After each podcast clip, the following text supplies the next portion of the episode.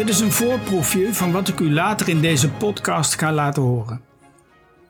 U luistert naar de wekelijkse podcast Een lied voor elke tijd. Mijn naam is Herman Schimmel en we blikken vandaag vooruit naar morgen, het feest van Pasen.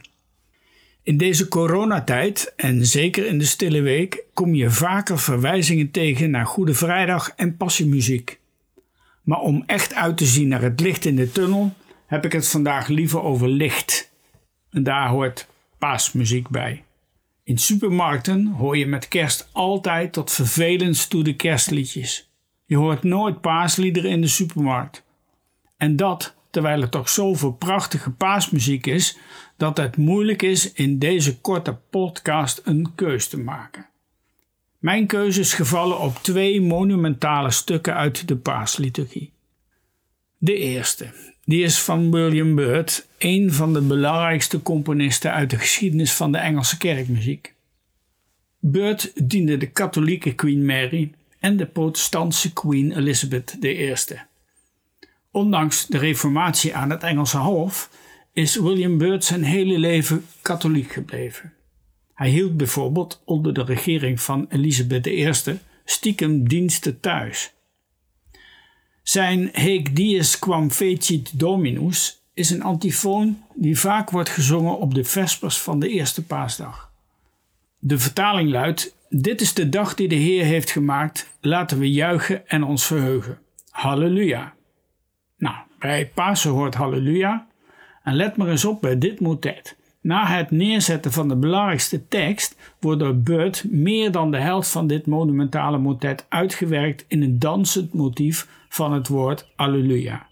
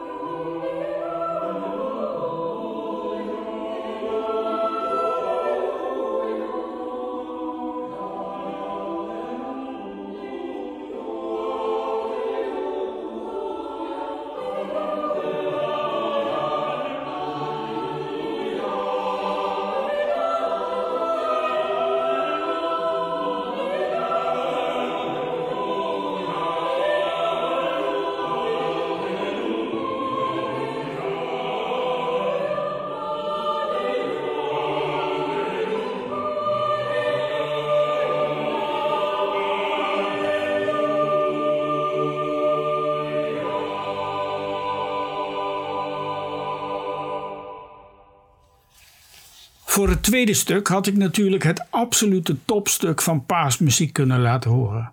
Het Et Resurrexit uit de Hohe Messe van Bach. Maar dat heeft u waarschijnlijk al vaker gehoord. En niet iedereen kent het volgende feestelijke stuk. Het Gloria uit de Missa Paschalis van de Tsjechische componist Zelenka. En als trompetist vind ik dat er met Pasen eigenlijk altijd trompetten moeten klinken. Zelenka was een tijdgenoot van Bach en wordt wel beschouwd als diens katholieke tegenhanger.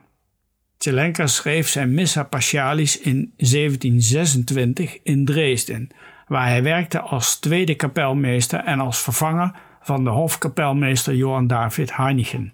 Het stuk werd onder zijn leiding uitgevoerd tijdens de paasliturgie in de Hofkirche in aanwezigheid van de Saksische keurvorst Friedrich August I die tevens koning van Polen was. Luister naar het Gloria uit de Missa Paschalis van Zelenka.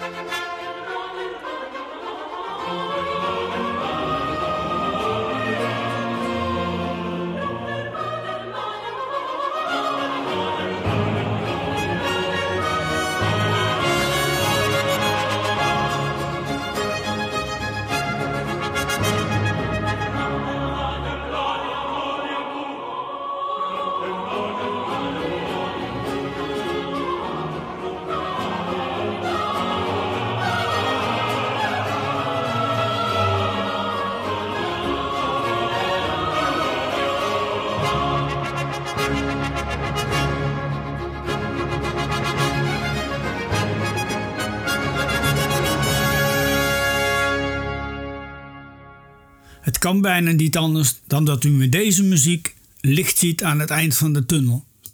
Ik wens u een hele fijne paastijd en graag tot volgende week.